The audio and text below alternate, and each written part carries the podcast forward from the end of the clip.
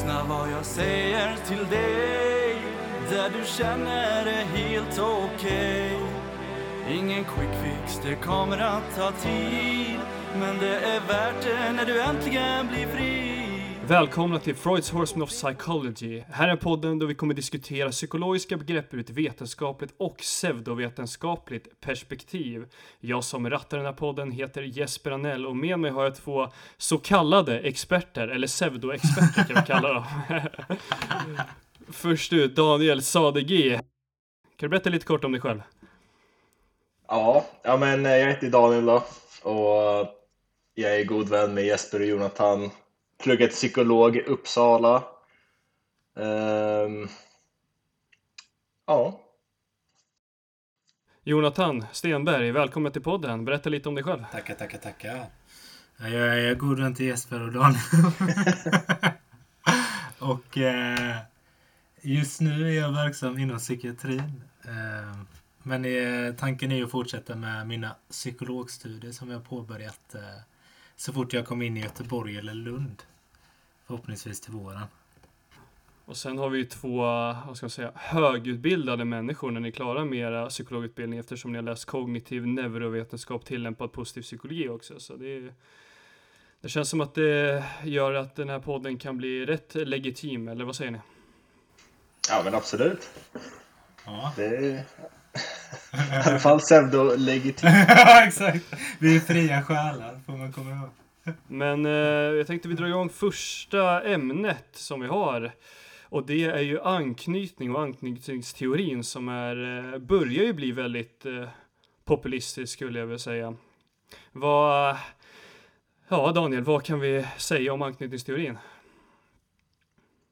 Ja men anknytning, det är en sån väldigt grundläggande faktor som påverkar hur vi eh, relaterar till världen och andra människor och vad vi har egentligen för typ inre bild om oss själva och om andra relationer och, och så vidare. Eh, så anknytning följer med oss genom hela livet och eh, man kan säga att människor har ett inneboende typ beteendesystem eller ett motivationssystem att knyta an till andra personer och finna liksom, nära anknytningspersoner. Och när vi är små barn så brukar det vara våra föräldrar eller vårdnadshavare. Liksom. Och människan har en väldigt lång utvecklingsfas när vi, när vi föds. Vi, det tar längre tid för oss att bli fullvuxna än för andra däggdjur. Och vi är i behov av eh, att få trygghet och hjälp och stöd från andra vuxna personer när vi fortfarande inte är fullutvecklade. Så i och med det har vi också utvecklat ett eh, anknytningssystem som gör att vi i otrygga situationer söker efter ja, anknytningspersoner som kan skydda oss. Mm. Och man kan säga att det här anknytningssystemet fungerar lite som det är liksom ett biologiskt system som fungerar lite som andra motivationssystem, typ med hunger eller törst eller sex eller vad det nu kan vara. Så när det här systemet aktiveras ehm, så söker vi, då kommer vi bli upptagna med att eh, söka efter trygghet och bli eh, liksom uppmärksamma på att eh, upptäcka hot och, och fara och så som kan uppstå så man kan säga att anknytningssystemet aktiveras när vi inte känner oss trygga och det motiverar oss till att försöka finna trygghet. Just det. Vad finns det liksom Jonathan, vad finns det för skillnader i anknytning? Jag antar att vi har inte samma anknytning vi tre till exempel. Nej, alltså man brukar väl prata om några breda kategorier av det. Sen är väl den uppdelningen lite olika. Du får rätta mig nu Daniel, men jag, jag vet, alltså trygg anknytning, det är ju en i alla fall. Eh, och det är liksom att man har väl något så här, eh, grundläggande förtroende för eh, andra människor i relationer. Man litar på dem. Litar på att de ska stanna och så. Att de ska kunna ge en stöd när man behöver.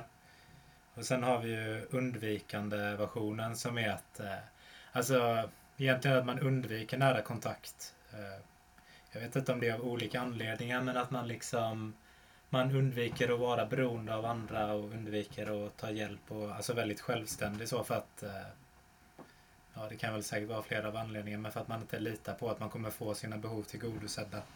Och sen har vi då en mer anxious typ som är mer, eh, jag tänker mer, eh, alltså verkligen, alltså beslagtar, liksom över, ska man säga, possessive liksom. Alltså att man, man försöker verkligen, ja men man överkontrollerar kanske man kan säga. Eh, jag vet inte om det är den eller om man ska säga att det är ambivalent där. För det är ju, ambivalent är ju mer liksom man puttar ifrån. Man säger att man vill inte ha folk nära sig. Eller så är det att man vill... Alltså man har inte bestämt sig. Det är som att man beter sig olika. Ibland blir man jätteextrem, att man vill ha dem Mm. nära. Och ibland puttar man bort Mm. dem helt. Och det är väl desorganiserad just den typen. Ambivalent är ju den som man beskriver som anxious, om jag uppfattat rätt. Och Ja, men jag tycker det är konstigt för ambivalent är ju att man står mellan två olika saker. Så jag får för mig att den är... Mm. Men där och det, jag tänker de, eh, alltså, de uppdelningarna är ju lite med... Alltså, vad ska man säga? Det är uppdelningar liksom. Så att Mm. eh, jag tror inte man behöver fästa sig extremt mycket vid de exakta breda kategorierna där. Mm. Eller.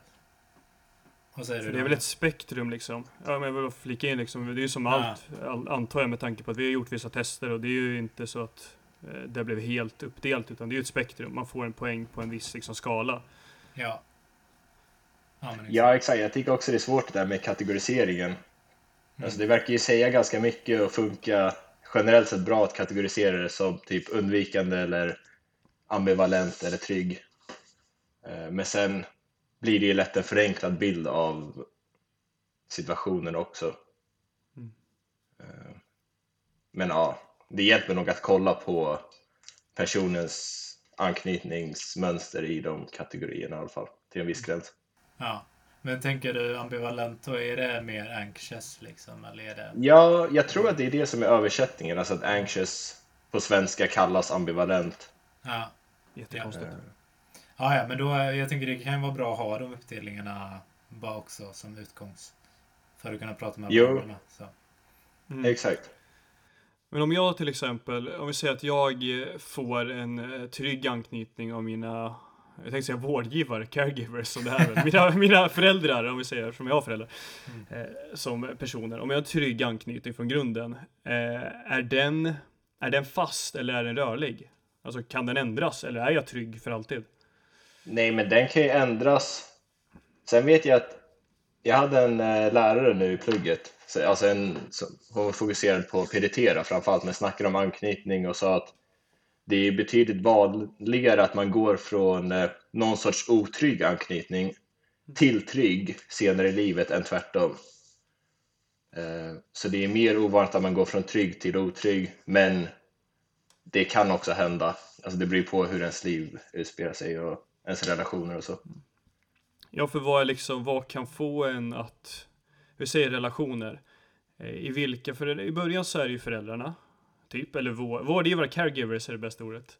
Mm. Vårdgivare låter jättesjukt. Ja, men vänta. vårdgivare är inte rätt ord. Vårdgivare är inte... Det är, det vårdgivare är, fan, det är fan- vården. Ja, det är vården. Du tänker på, vad heter det? Vårdnadshavare. Vårdnadshavare Ja, vårdnadshavare, Exakt, ja, ja. vårdnadshavare jag på. En freudiansk felsägning där. Ah, shit. Hur är du uppväxt, Jeppe? Bara på sjukhus eller inte överhuvudtaget. Jag bara föddes där. Ja, för mycket på jobbet. Eh, ja, om en vårdnadshavare är föräldrar liksom. Men i senare fall, vilka är det som ändrar det? Är det mina föräldrar igen? Eller vilka är det som kan få mig att bli trygg då, om jag är otrygg? Alltså, jag tänker att man får väl tänka nära relationer eh, överlag. Att det är kanske primärt då, ofta är ju romantiska relationer väldigt så här, där man bor med och så. Men eh, jag tänker att nära relationer överlag påverkar det. Och jag tycker det var intressant det som Daniel sa, alltså med att det är mer vanligt att man går från en otrygg till en trygg. Alltså, jag tänker på något sätt så, eh, om man tänker anknytningsmönster som eh, modeller för hur miljön ser ut. Mm.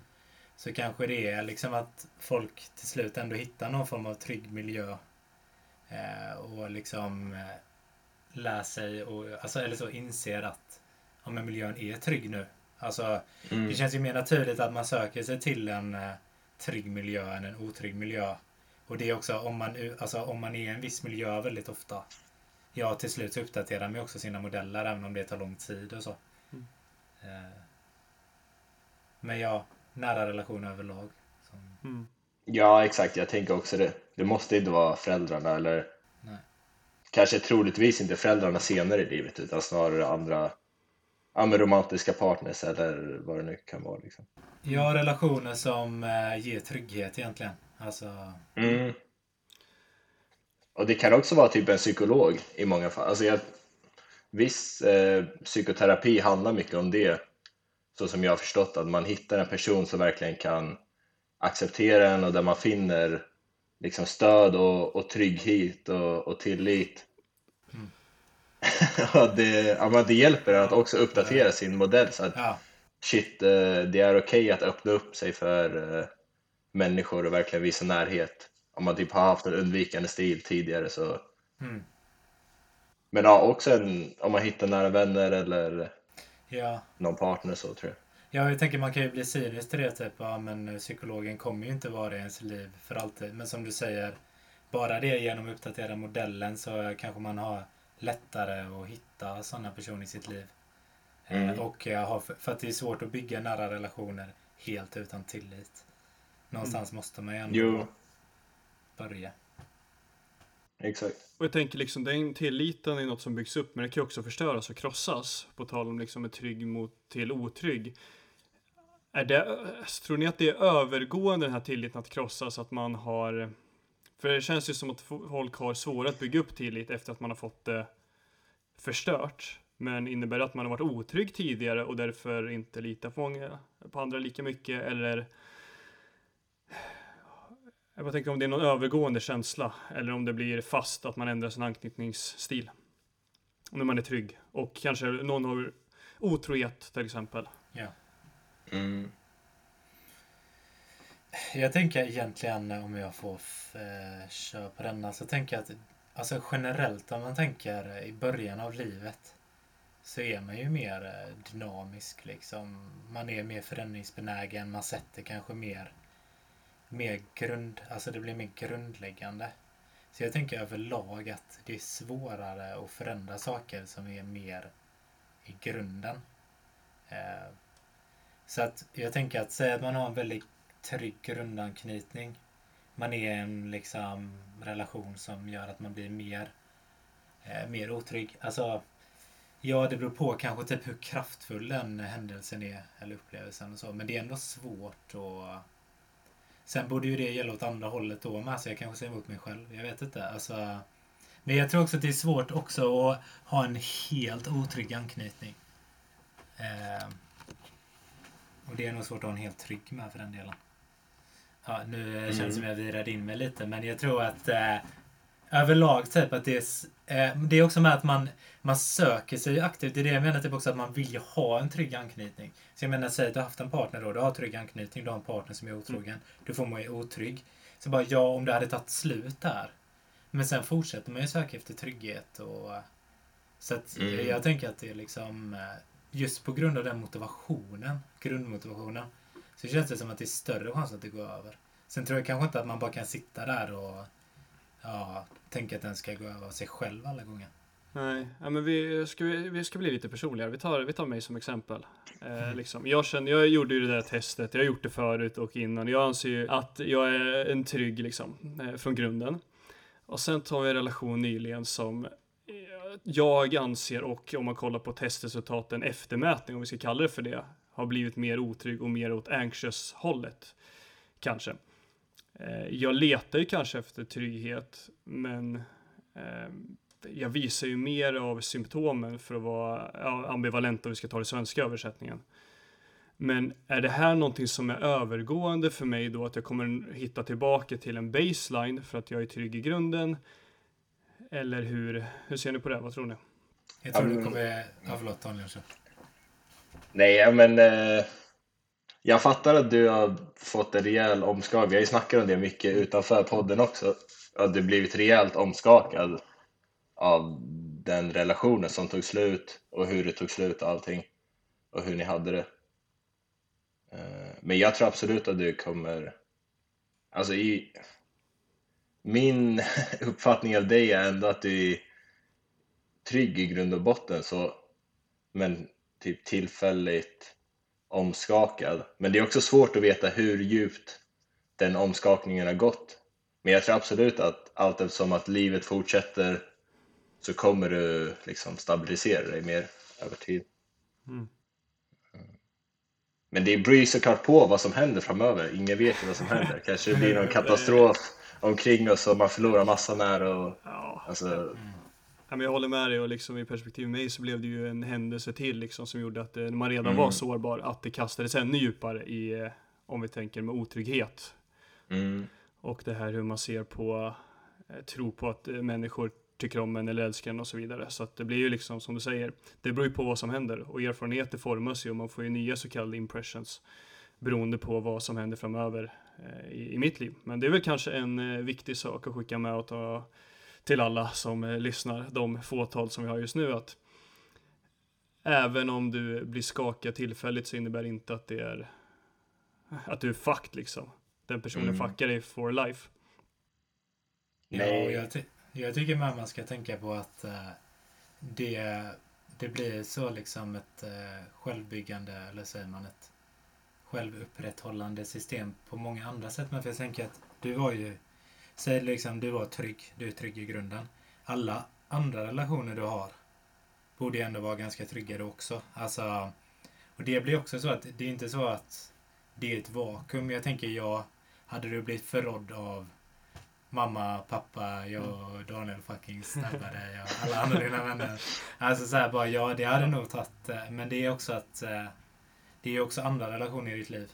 Sen kanske just romantiskt, att du kanske är mer avhållsam ett tag eller, Mm.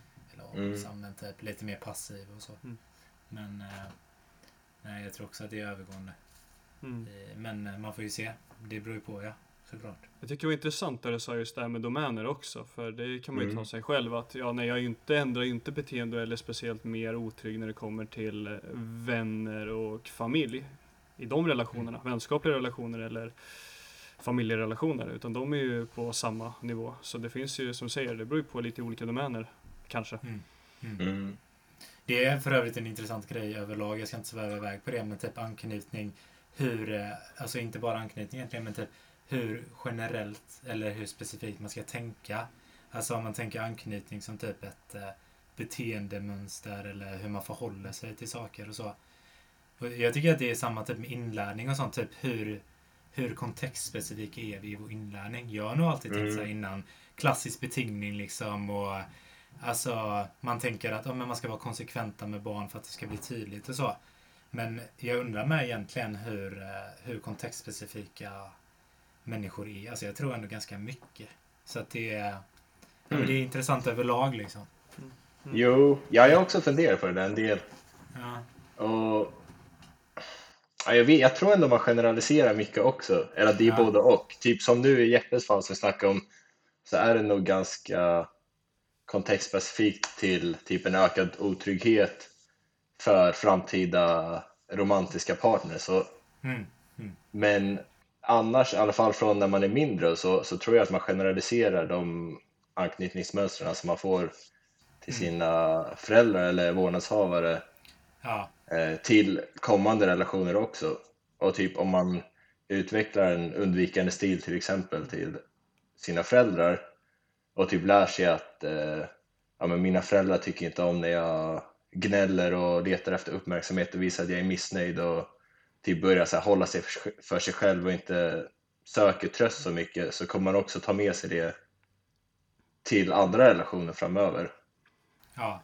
Eh, Absolut, absolut. Det är, är det även liksom, för nu, nu, jag fick ju en jättebra, det är jättebra det ni säger. Jag fick en tanke där med kontext och liksom eh, domänindelning. Om vi tar andra hållet då. Om du är otrygg, men sen blir du tryggare, som vi pratade om, det är lättare. Du blir tryggare i en romantisk relation.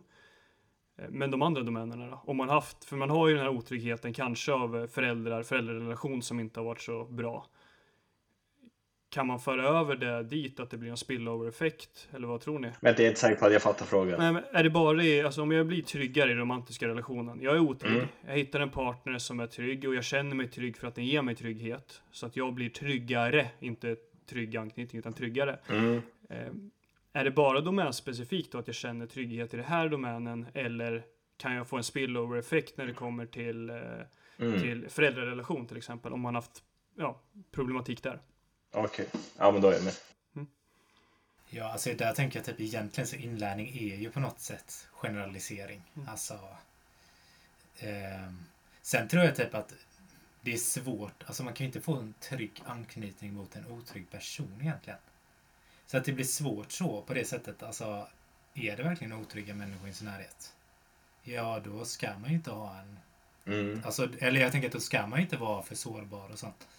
Jag vet inte vad du tänker om det Daniel, men jag tycker att det känns konstigt. Alltså, någonstans att typ hela premissen blir ju då... Eller hela, alltså typ tanken måste ju vara någonstans att du hittar andra trygga relationer då. Och det tror jag, som Daniel sa med psykologen, liksom. Får du en trygg relation så tror jag att du kanske lär dig så här, så här kan en relation vara. Mm. Det är kanske till och med bara motivationen, typ att det finns. Alltså till och med bara referenspunkten, att det går att vara det. Det går att lita på andra människor och så. Det öppnar upp liksom helt nya möjligheter. Och, sen är det väl en öppen fråga hur mycket. Mm. Mm. Ja. ja, men det är fett svårt det där med hur mycket som är spillover. Ehm, Men jag tror, ja, men, alltså, jag tror det kan öppna upp i alla fall nya möjligheter och att man typ, ja, men om man får en, hittar en partner som man utvecklar någon sorts tryggt samband med eh, och tillit och det håller över tid, då tror jag lätt att man kan få lättare att också ha ett tryggt förhållningssätt till andra personer. Alltså kanske uppdatera sina relationer lite grann till typ familjemedlemmar. Men det beror ju verkligen på, som Jonathan sa också, hur ens alltså, övriga kontext är. Och typ om man har utvecklat en otrygg anknytning så är det ju ofta för att det har varit adaptivt. Alltså det har varit det som har funkat bäst att typ om man inte har haft pålitliga människor omkring en som har kunnat möta ens behov eller lyssna på en eller vara, vara lyhörd så då är det också rimligt att typ vara undvikande eller ambivalent och för annars om man hela tiden förväntar sig att folk kommer möta ens behov när man behöver och så får man inte dem bemötta då alltså då funkar inte det. Då måste man typ bara okej jag måste klara mig själv på något sätt eller hitta en annan strategi för att klara mig. Ehm. Ja. Det är jäkligt Det- det intressant på. för på något sätt så blir det så, eh, man är så, eh, och jag fattar varför, men man är så värdeladdad där så typ när man har trygg anknytning, det jag hör då är bra anknytning. Men egentligen borde en optimal anknytning vara att vara lite undvikande mot personer som är liksom eh, destruktiva för en. Mm. Och alltså mer trygg. Sen kan man ju tänka i och för sig typ Ja men fattar ni? Alltså typ att det borde ju vara att kunna vara rätt flexibel i hur man relaterar till andra människor också. Och att man eh, är sårbar för människor som man känner på sig mm, eh, har kapaciteten och tillgodose Mm. behov. Exakt. För jag bara tänker hur de där Och- frågorna är uppbyggda liksom också. Att, nej, det är ju inte så att man är flexibel. För jag tänker om du är, det är ju spektrum som du säger. Och då kanske det finns eh, en, nej inte, nej det är klart det inte kan finnas en golden zone då. För att det är ju alltid en åt det ena eller det andra hållet mer eller mindre. Men som du säger att är du trygg så betyder det verkligen att du är 100% tillitsfull då? Att jag litar på andra människor, alltså man blir naiv nästan, eller?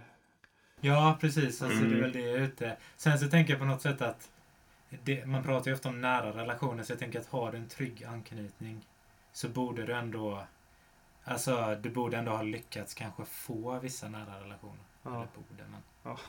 Jo, För att det är ändå, man pratar ju ändå om de närmsta relationerna ofta. Exakt. ja, det baseras ju mycket också på att man har typ trygga baser som man kan vända till när, när det uppstår någon fara eller när man inte känner sig trygg.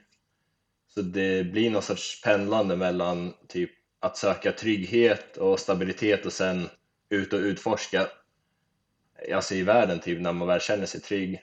Och, men om det då uppstår någonting som gör att typ skakar om ens värld, då behöver man också ha trygga punkter att vända sig tillbaka till.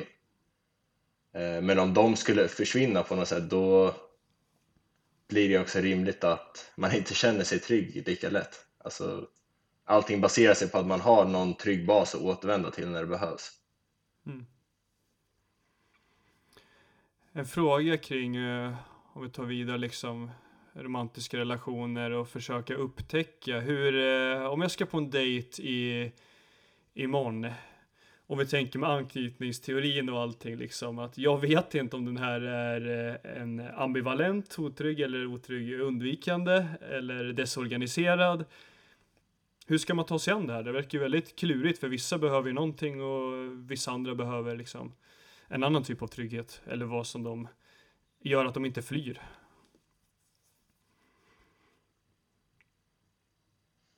Ja, det är en bra ska fråga. Va, ska jag vara på eller av? Eller ska jag backa eller gå framåt liksom? Men alltså vänta, jag hängde inte med riktigt. Eh, om, vi, om vi tänker så här, hur ska jag liksom, om jag inte vet, vi kan väl börja så här, hur kan jag identifiera vad det romantiska intresset så att säga har för anknytningsstil? Nej, alltså. Jag tror det blir svårt att säga sådär jättespecifika alltså, specifika saker. Man märker väl kanske Hör de av sig någonting? Hör de av sig lite för mycket? Alltså det är ju som att dansa lite. Trampar de dig på tårna för ofta? Sen kan det ju såklart vara du som har problem med din anknytning. Alltså, typ om du känner dig helt kvävd att de skickade ett sms. Bara vad trevligt det var ikväll. Det kul att ses någon annan gång. Eh, då kan du ju, alltså så det, det där är svårt ändå men... Eh, mm. Ja. Ja, jag tycker det finns inte något bra svar på det där, men jag håller med dig Jonathan sa, det är lite som att dansa, typ, att man får ja, försöka se hur bra det funkar över tid liksom.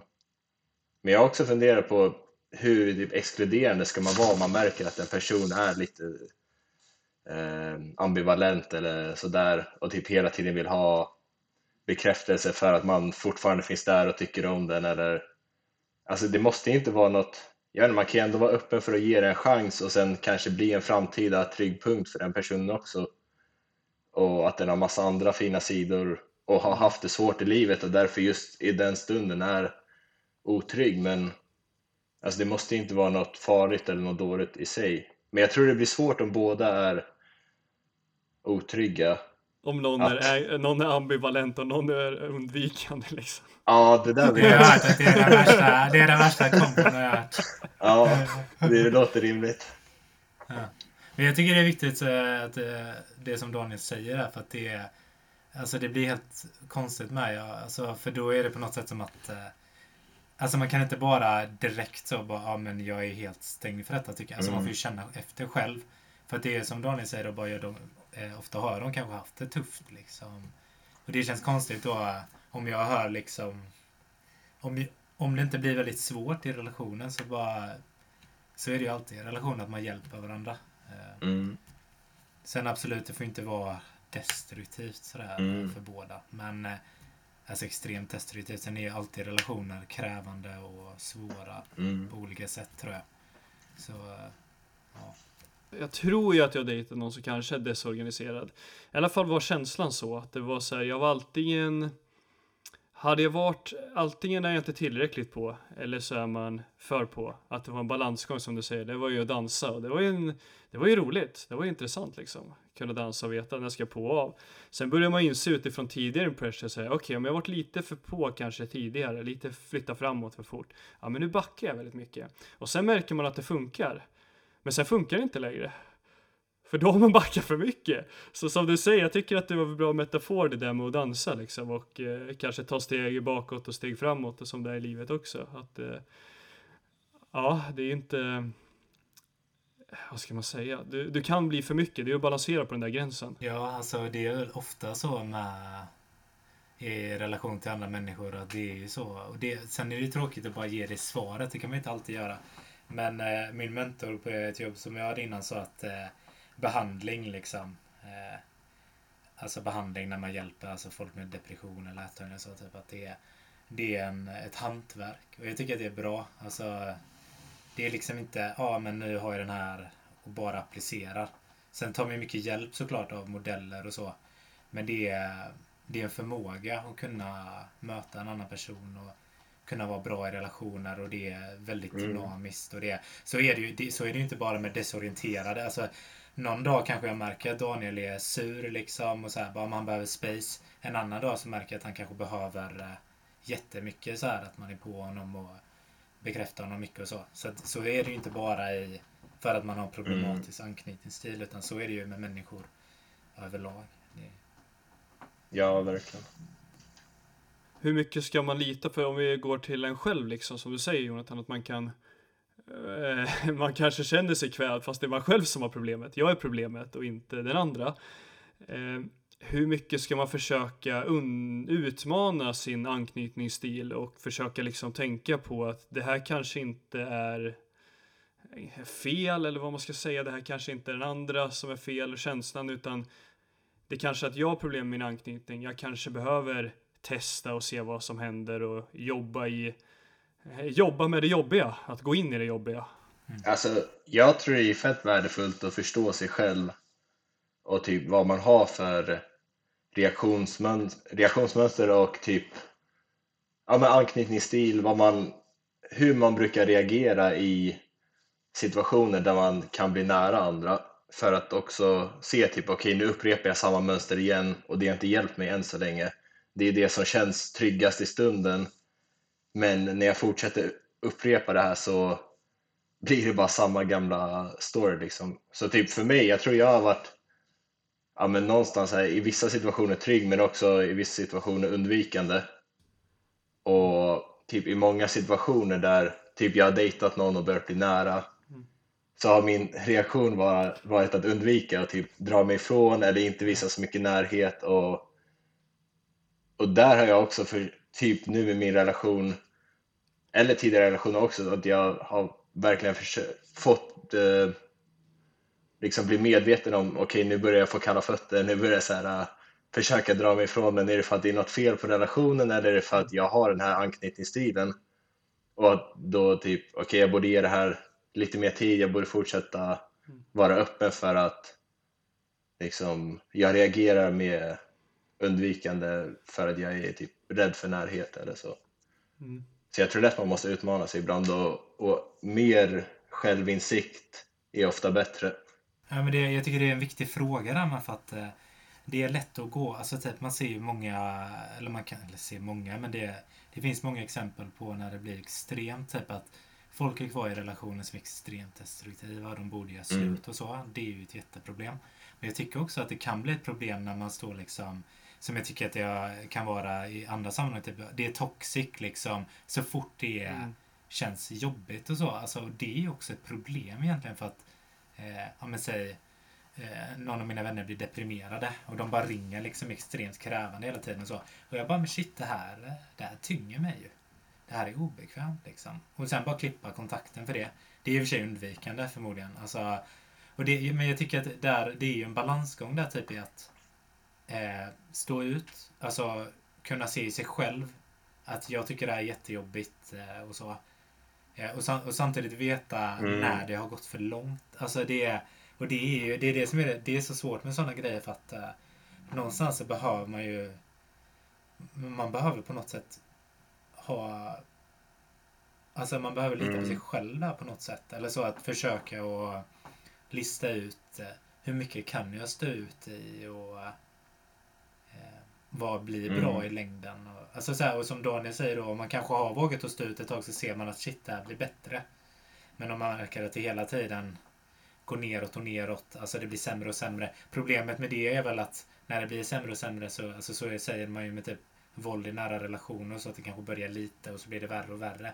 Och där får man ju hoppas att man också har folk i ens närhet som mm. hjälper att reflektera en och så. Och att man vågar ha modet i sig själv med att eh, vad, vad är anledningen till varför jag stannar kvar? Är det liksom är det för att jag är så rädd för att vara ensam även fast jag vet mm. att det här är destruktivt? Och, det är tråkiga svar men det är liksom, det går inte heller för jag, jag själv är ju världens jävla tvivlare som ni har märkt ibland. Och så är det så här bara, det är nästan som att jag bara, är det, är det att jag är för extrem här och så? Eller alltså här, är det, är det mig det är fel på? Eller så här i olika situationer. Men problemet är att man kan ju aldrig helt mm. bara säga ja eller nej. Utan eh, man behöver på något sätt bara ta det bästa beslutet man kan. Ja, det där blir jättesvårt. För jag, vi pratade om det lite sist. Om jag säger att, eh, drar vi ett scenario igen. Jag eh, är undvikande, som otrygg, undvikande. Går in i en relation, en tjej som jag har pushat, eller vet så här, velat ha. Och sen började vi dejta ett tag och jag bara, men kände fortfarande liksom så här bara, hmm, efter ett tag bara, ja men det är någonting som inte känns rätt. Jag vill inte gå vidare i relationen. Men jag vet om att jag är otrygg och är undvikande och sett tillbaka på det att jag har inte så långvariga relationer. Jag brukar ta steg tillbaka. Hur länge ska jag liksom vänta på, som de säger, att eh, se några tecken på att det här är bra än att jag går på min intuition som säger Jonathan, att direkt att ja, men det här känns inte så bra. Liksom. Det här är, det är någonting som fattas här. Jag är inte riktigt förälskad i henne, att jag vill flytta ihop med henne eller han. Mm. När, ja, när ska man liksom gå bara på sin känsla? Det där blir ju också jättesvårt. För det... Nej, men nej, och jag, jag tycker det är på samma tema där. För att det är egentligen, om man tänker med typ hur mycket behandling för psykisk ohälsa som helst. Det är utsättelse för saker som du får extremt mycket ångest för. Alltså så brukar jag säga till patienter ibland bara, det finns en anledning till varför folk fastnar i depressioner, i ätstörningar och sånt. Och det är för att känslomässigt så känns det fel, eller i fobier. Det ger jättemycket ångest. Alltså samma med tvång, det känns fel Mm. att inte stå och tvätta händerna. Så typ, de, man kan inte bara säga lyssna på dina känslor och så. Inte bara i alla fall, alltså man behöver på något sätt i så fall kunna diskriminera, alltså då menar jag, vad heter det på svenska? Discriminate, alltså separera mellan olika, alltså jag tycker det är det är svårt. eh, Ja, det men det jag-. Alltså, Jag tycker också det där, tänker du? det är typ en paradox på något sätt. Att man måste typ ifrågasätta sina egna första reaktioner och intuition. Typ om man är undvikande eller om man har tvång eller någonting. Som du sa, det är ett bra exempel. Då, så här, då känns det som att det är fel att inte tvätta händerna och det som kommer göra det bättre är att tvätta händerna. Eh, men om det är typ med relationer och man kanske är undvikande och förstår att så här, okay, jag brukar försöka dra mig ur de här situationerna när det blir för nära. Nu ger jag den till chans för att det är liksom i min anknytningsstil som felet finns. Men någonstans så kanske det är fel på liksom upplägget i hela relationen också. Och då även om man ger en chans eller flera chanser så kommer det inte leda till något bra. Då kanske man också känner det på något annat plan att så här, fuck det känns fel, inte på grund av min anknytningsstil utan på grund av att det finns inte potential i den här relationen. Men det är så här, vad, man måste på något sätt utveckla sitt omdöme för att veta när det är en själv som har så här olika osäkerheter och när det är kanske något hos den andra som gör att man tvekar. Ehm, men mm nej, jag nej jag tänkte det bara summera. Men, Ja, förlåt. förlåt. Kör. kör du. Men jag tycker att det är typ att, för att det, det känns som att eh, det är också risken där finns att överkomplicera någonting som är egentligen eh, alltid är, alltså typ så här bara, ja men när, eh, nu körde vi dans innan typ, när ska jag röra mig mot min partner Mm. och när ska jag gå ifrån min partner? Alltså det är lite samma där typ. Eh, För jag tycker så här bara det man kan säga med, så jag tycker att det går att generalisera lite, men säg med tvång. Ja, jag märker att jag står och tvättar händerna tre timmar varje dag. Det funkar för att få bort känslorna. Men den här strategin gör Mm. mitt liv suc- alltså blir sämre, sämre. Det blir värre och värre hela tiden. Och så tänker jag med relation med. Jag ger den här relationen flera chanser. Men så märker jag att mitt liv liksom, om jag vågar vara ärlig mot mig själv och jag blir reflekterad av andra och så. Mm. Det blir värre och värre liksom. Eh, sen fattar jag att vissa saker tar tid. Och där är det ju... Men där är det också som Daniel säger, det är att utveckla sitt omdöme med. Alltså, hur länge ska en relation vara dålig liksom innan den börjar ge tecken på hälsosamma? Nu har vi hållit på så här i ett år, två år och det är väldigt mycket destruktivt. Det känns ju inte som att det kommer blomma ut någonting Mm. ur det då kanske. Eh, så att ja, Nej. man kanske inte ska göra det för svårt heller. Nej, verkligen. Och typ kolla på sin historik också lite grann. Så här, håller jag på att upprepa någonting som jag gjort flera gånger tidigare, då får man ju försöka lära sig från det.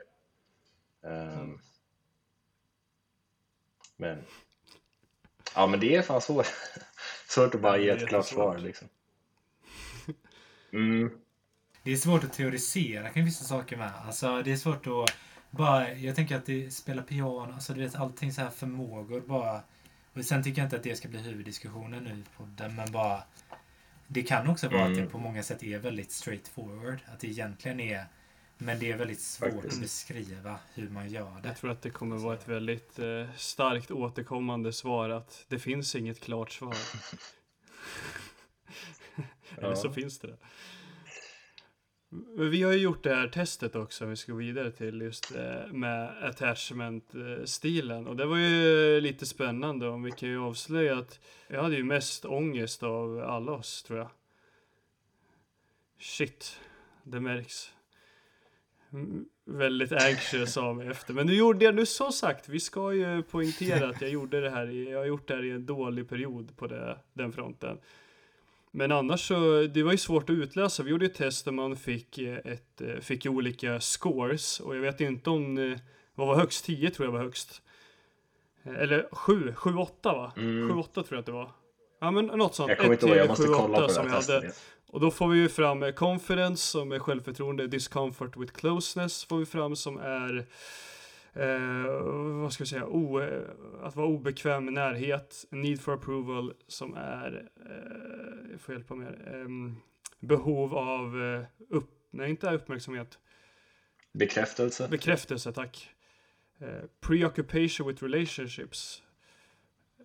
Är det att man ska vara, att man är för eh, så, Det måste väl inte vara för mycket, det är väl bara hur, hur upptagen man är med jo, relationen. Jo, men det är ju. Och så får det hö- högt så är det ju för mycket. ja. Och sen relationships är secondary, att man har dem som sekundärt då. Och det var ju, jag tycker att det var lite spännande och sen får du just attachment så får du just att du har viss score i avoidance som är undvikande och anxiety som då är med ambivalens mer att man får. Sen är det svårt att veta för där kategoriserade de inte oss i så här vad är du otrygg eller trygg utan där var det verkligen ett spektrum. Men eh, vilken är, Jeppe, är det din som är confidence 4,8 och discomfort with closeness 2,9? Eh, ja, exakt. Det stämmer. Eh, högt i confidence får man ändå säga. Är det, gjorde du det sista? Ja, det är Daniel som är sist där. Ja, fan, exakt. Då är du och jag anxious. jag vet inte, kan ja, man det- säga det- det så svepande? Ja, det är fan intressant. Jag har alltid tänkt, eller när jag så här försökt reflektera över mig själv, så har jag tänkt på mig själv som mer undvikande. Alltså jag ska säga det Men- med no offense, men jag har också tänkt dig som är undvikande in anxious. Men eh, kanske, jag vet inte om det här testet talar sanning eller inte. nej. Men, eh, Och sen började jag på, liksom, det var ju någonting jag tänkte på när vi pratade om det här med stabilt och en tuff period till exempel. Alltså, men det är väl så med alla test som är subjektiva självskattningar. Vad säger ni? Att det beror på när du gör dem? Eller? ja. Exakt. Ja, ja. Det är väl bara en brasklapp att lämna in att eh, bara för att du får jättehögt på anxiety, om eh, du precis har blivit lämnad så kanske jag förstår det. Eller avoidance, så att säga. ja, exakt.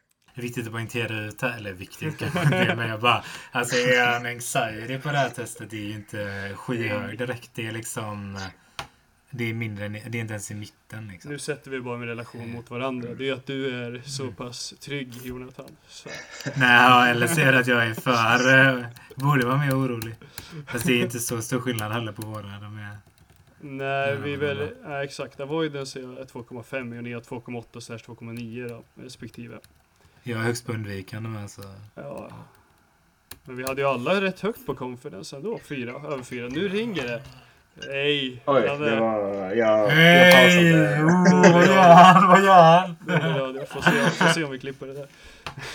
Live talk. Ja. Nej men det kan väl vara kul att få liksom ett spektrum att se, men jag fick ju inte några medvärde ifall man gör det här testet. Det kommer jag lägga ut på vår Instagram som heter Freuds Horseman. Som man kan gå in och så lägger jag ut en Nice. länk till testet där. Apropå det, en grej som jag kom att tänka på, bara så här lite random fakta som var intressant. Just från det testet när de kollade på barn som var undvikande. Mm. Så det är i alla fall en förälder i ett rum och ett barn. Och det är också en främling tror jag.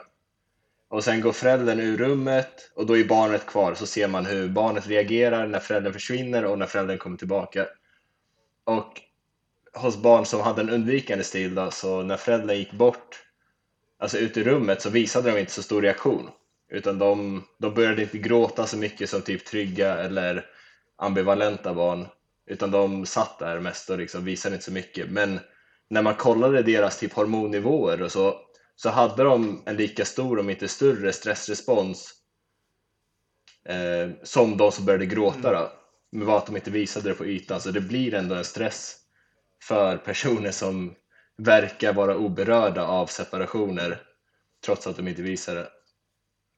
Ja, det får man ju tänka på med undvikande med bara vad är det man undviker? Liksom, varför Mm. undviker man saker? För att man får en, förmodligen en väldigt stark stress, alltså ett starkt stresspåslag av Mm. eh, nära relationer eller potentiellt bli av med någon.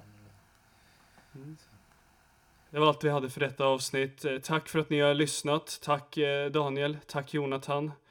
Och Tack Jesper. på återhörande. Lyssna vad jag säger till dig där du känner är helt okej. Ingen quick fix, det kommer att ta tid. Men det är värt det när du äntligen blir fri. Åkte in på rehab. Vilken skam.